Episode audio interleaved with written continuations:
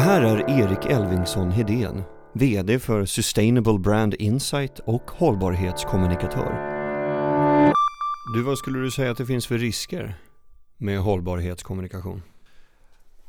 Det finns, eh, ja den stora risken idag det är ju, eh, för att gå ut på eh, ha tunn is här, det är ju media liksom. Det, är ju, det finns ju ett, jag, jag kan tycka att media, framförallt större medier, liksom dagstidningar och annat, de har ju en väldigt det, I dagsläget upplever inte jag att det finns en vad ska man säga, kritisk optimism så att säga. Man ska absolut vara kritisk men ändå försöka liksom bidra med att hjälpa företag. Utan det är mycket sensation, mycket fokus på att hitta skandaler egentligen. Så att det, det är såklart en jätterisk att sticker man ut hakan så får man smäll. Liksom. Och det är ju någonting som skrämmer många företag för att det finns många exempel på det. Uh, och det, det, är ju en jätterisk. Men det är också en risk som man måste vara villig att ta.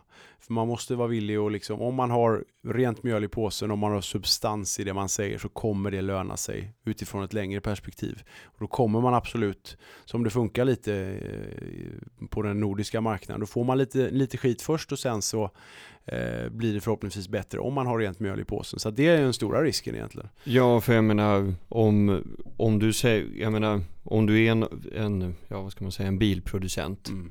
som, eh, som säger att vi har världens mest miljömässiga bilar och sen så framkommer det att ni har mixtrat med mjukvaran för att eh, manipulera utsläppen. Ja. Mm. Jag menar då, då, har du, då är det ju greenwashing. Ja, då är det absolut i allra högsta grad. Då är det ju, då, då är det ju svårt att eh, förneka. Så att där, därmed som ni var inne på lite tidigare. Så, att jag menar, medierna är väl viktiga där tänker jag. Absolut. Medierna är viktiga utifrån ett granskningsperspektiv och eh, Ja, nej men absolut som du säger. Det är klart att det finns alltid fog för det, men eh, inte alltid fog, men det finns alltid fog i den situationen. Mm. Det här exemplet som du tar upp, då är det ju bra liksom. Då är det ju det som bidrar till att det faktiskt kommer fram. Eh, ja, och också om man tänker liksom på eh, Du nämnde just det här att man ska välja en berättelse. Mm. Man ska välja en berättelse att, att berätta att vi är bra på det här. Mm. Det här är någonting som vi är stolta mm. över.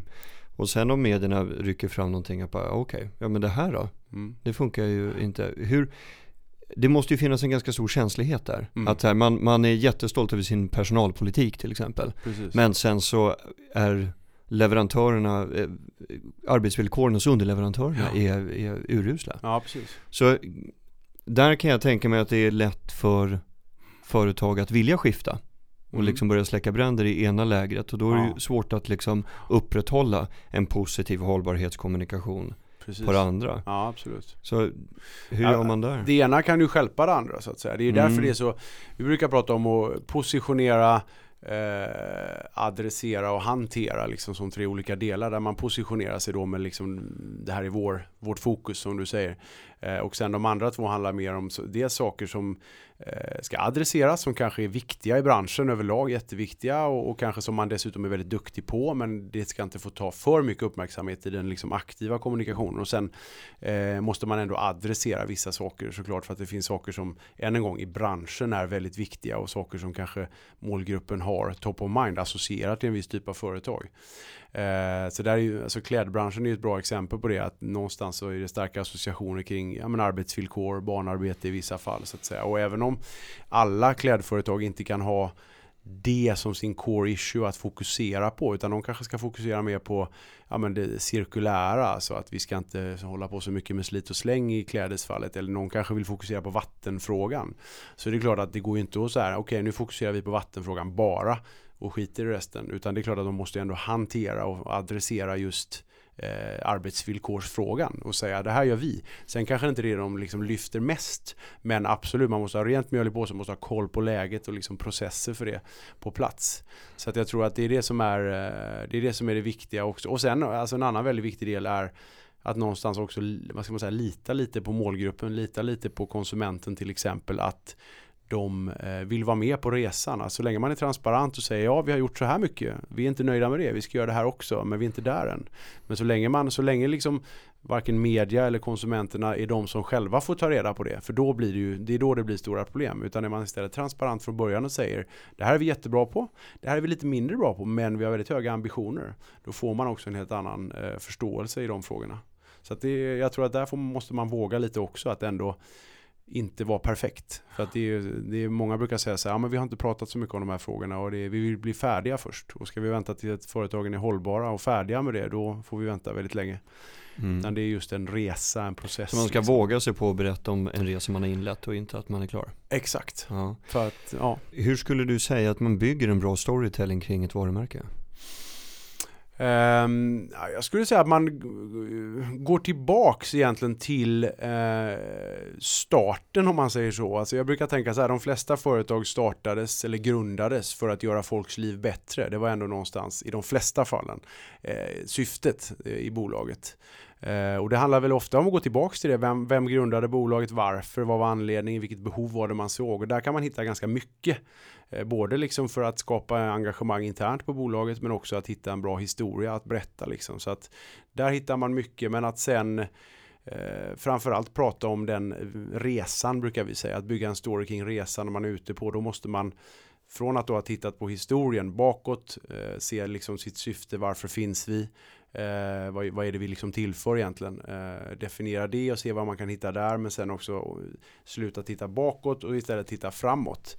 Eh, för att se, okej, okay, vart är vi på väg? Och den storyn är ju den starkaste skulle jag säga. Just att titta, det som vi säger då, okej, okay, vad, är, vad är ni när ni är ett hållbart varumärke? Vad betyder det liksom för er? Det innebär att jo, då har vi uppnått det här, det här, det här. Och att sätter man liksom den visionen så kan man backtracka därifrån och prata om den resan som man är ute på. Och det blir en väldigt bra story ofta för att målgruppen egentligen oavsett om det är konsumenter eller andra beslutsfattare eller opinionsbildare eller studenter vad det än kan vara det är jättekul att höra vad ett företag har gjort men det är mycket roligare att höra vad man ska göra för det är ändå en liksom resa som man får en möjlighet att vara med på på det sättet.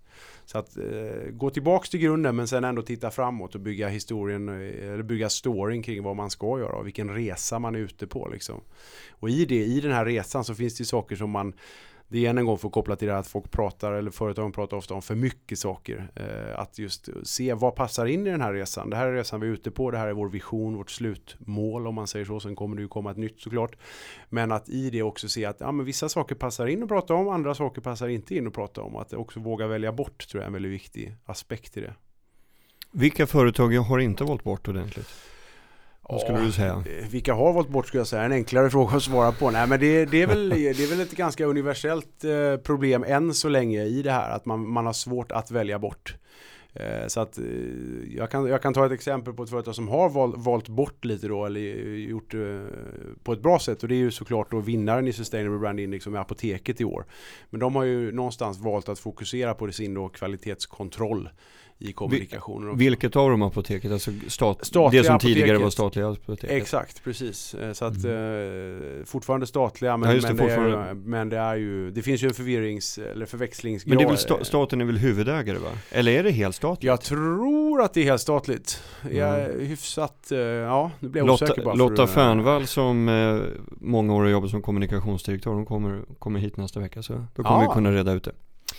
Precis, äga, ägandeskapet. Ja. Nej men de har lyckats i vart fall fokusera apoteket på ett bra sätt på liksom kvalitetskontrollen i deras fall och eh, ja, men hålla fokus där senaste tiden istället för att prata om väldigt mycket. Så att de flesta bolagen har problem att de vill prata lite om klimat, de vill prata lite om arbetsvillkor, de vill prata lite om att de alltså gör någonting för lokalsamhället och det blir mm. väldigt mycket liksom. Mm. Och, och, det är klart det är jättebra för den, för den gruppen som vi kallar för hängivna bland konsumenterna ungefär 7% som är då väldigt intresserade av hållbarhet och liksom det är fokus på det.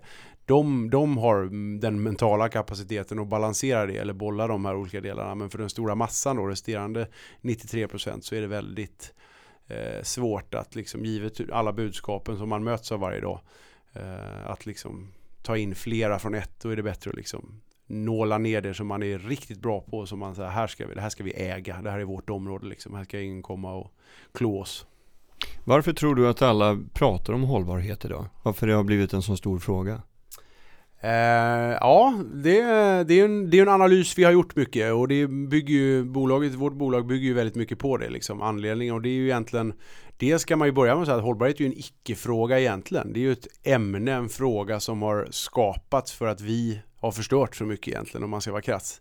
Så att det är vi, vår analys, och den är ju såklart alltid diskutabel, men den analysen vi gör är att om man Titta tillbaks lite till säg 1800-talet och titta på industrialiseringen framförallt eh, så såg vi då en, helt plötsligt hände något eh, väldigt stort, att vi kunde börja massproducera saker och sen distribuera väldigt brett etc. Så att då, där och då kom det liksom ett välstånd på en annan nivå eh, än vad det hade varit tidigare.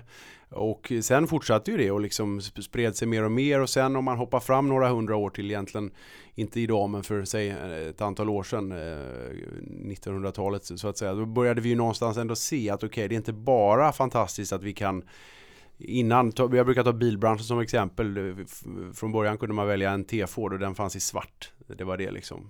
Ta, take it or leave it. Hoppar man fram då till idag, då kan du välja, eh, utöver att välja bilmärke så ska du välja liksom färg och fälgar och tonade rutor och ska du ha liksom DVD i baksätet så ungarna är tysta liksom.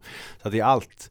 Eh, och någonstans så såg vi först så här bara fördelarna med det här. Wow, shit vilka valmöjligheter, fantastiskt. Men där eh, någonstans och mycket i takt skulle jag säga med digitaliseringen och informationssamhället så började vi se baksidan. Vi började också kunna se att oj fast det är väldigt mycket barnarbete här eller eh, klimatet verkar inte riktigt vara bra och gud vad vi skräpar ner liksom. Så att vi började någonstans där se baksidan också. Och då kan man väl säga att ämnet frågan hållbarhet uppdagades och man satte liksom ett, ett, namn på det eller ett ord på det. Så att det är ju egentligen ett icke-ämne som finns till för att vi människor har förstört ganska mycket.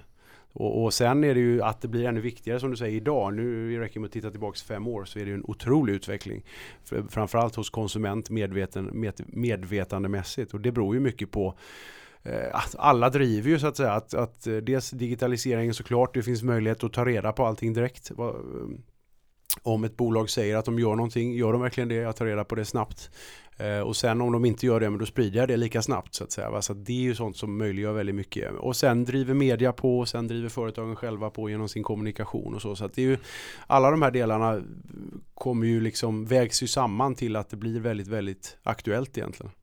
Det var någon som sa när jag, jag pratade om att jag skulle ha den här intervjun och så var det någon som sa att det var Al Gore. Ja. Att det var han ja. som kickade igång allting, att det är därför vi sitter här. Ja, Ja, ja, men absolut. Han, han, han var en jättestor bidragande faktor som jag skulle säga är eh, om man, tittar, om man tittar just på varför det blev kanske mer medialt och även konsumentintressant så är det klart att han speedade upp processen, helt klart. Det, det tycker jag man gott kan tillskriva honom så att säga. Men du, är, är, är det, så det är inte bara ett modeord då? Med just hållbarhet? Och om tio år så är det något annat? Nej, det, det, det är ju den här diskussionen, är det en trend? Det är absolut ingen trend. Utan det är ju, om man tittar på vad det handlar om, och egentligen handlar det om överlevnad och det är någonting som den mänskliga rasen så att säga, det är det, det, är det som är grunden för oss. Vi är jägare i grunden om man går tillbaks till liksom långt tillbaks i historien. Och överlevnad och fortplantning är liksom det som driver oss. Och det är också mycket det som har drivit fram hållbarhet. Att vi ser att okej, okay, det här är uppenbarligen nått en process där vi förstör för oss själva och kanske till och med kommer utplåna oss själva. Så att någonstans finns det något väldigt mänskligt i att liksom vilja hantera de här sakerna. Eh, grundläggande drivkrafter egentligen. Så att det, det talar ju emot det skulle jag säga att det bara skulle vara en trend och sen blir det ju norm mer och mer. Det ser man ju både hos konsumenterna hur de agerar för de förstår mer men också företagen att det är liksom en, en, en normalisering av hållbarhet. Så där, däremot tror jag snarare än att det skulle vara övergående så kommer det nog försvinna när vi blir hållbara så att säga. Sen är det ju en bit kvar till dess.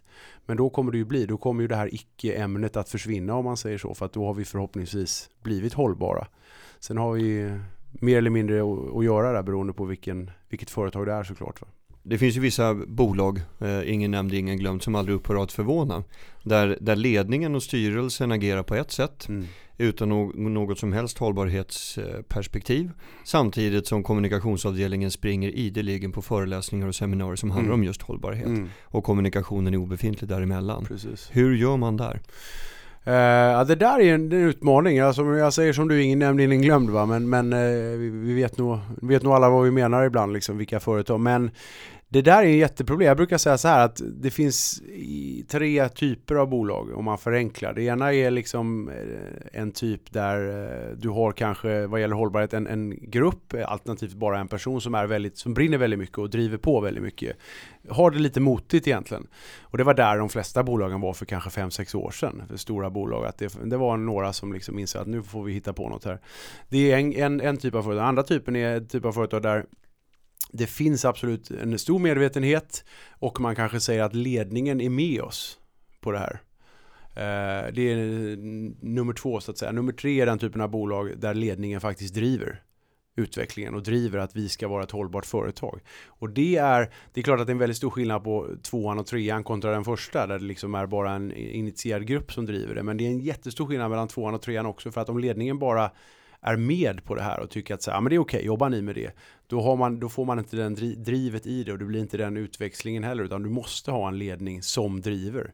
Och det tror jag, det där sitter djupt. Jag tror att det är såklart en utbildningsfråga för många, eh, för att vara väldigt tydlig, gamla gubbar egentligen på många bolag. Eh, gubbar i kostym som vi brukar kalla dem ibland. Eh, det är en utbildningsfråga och en förståelsefråga. De, de, de tror ju lite som just att det är en trend. Det är liksom, äh, vi tjänar ju pengar ändå. Ja, idag ja. Kommer ni tjäna pengar imorgon? Det är ju det som är den stora frågan. Liksom. Eh, och där är ju, det är ju en fråga om olika tidsperspektiv. och framförallt pratar man ledningar och vdar eller vad det kan vara. De har ju ofta en väldigt högt satta mål, nyckeltal och de ska leverera under den perioden de är där. Eh, vilket kan vara ett år, det kan vara två år liksom. Och det clashar ofta väldigt mycket med den här typen av hållbara, hållbarhet som är långsiktig på ett annat sätt. Så du så menar mandatperioderna behöver bli längre för styrelser? Ja, absolut. För att absolut. Där, det är därför vi ser väldigt stor skillnad på liksom börsnoterade bolag eller, eller eh, andra typer av ägande kontra eh, framförallt familjeägda. Det, det är, finns ett helt annat mod och våg, man vågar satsa långsiktigt i familjeägda bolag. Eh, så det, det, ser man en tydlig skillnad kan jag tycka när, när man träffar bolagen också. Att familjeägt, då blir det mer långsiktigt och ofta, inte alltid, men ofta är det så.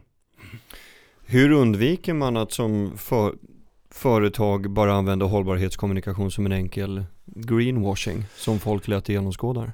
Ja, det är ju, eh, jag skulle säga som så här till att börja med bara att det är ju, det, det blir svårare och svårare att greenwasha givet att eh, ögonen är på alla företag numera, både från konsumenter och från media och annat. Så det, är ju, det blir lite självsanerande på det sättet, vilket är jättepositivt. Jag har aldrig varit något fan av greenwashing som term, utan jag tycker snarare att i Sverige framförallt och Norden har vi snarare motsatt problem det som många kallar för green hushing så att säga. Att man Vad är det för något? Det är ju motsatt att man är snarare, man gör kanske väldigt mycket men man pratar inte om det. Så att man, man, man är lite klassiskt jantelagen så att säga. Man är lite timid och istället för att lyfta fram. Till skillnad från USA då, där så fort man gör någonting så är man liksom väldigt snabb på att slå på stora trumman. Så vi behöver ju lära oss lite där skulle jag säga. Mm. Men så dels tror jag att det är lite självsanerande att det försvinner av sig självt på det sättet i takt med att företagen inser riskerna i att faktiskt göra så.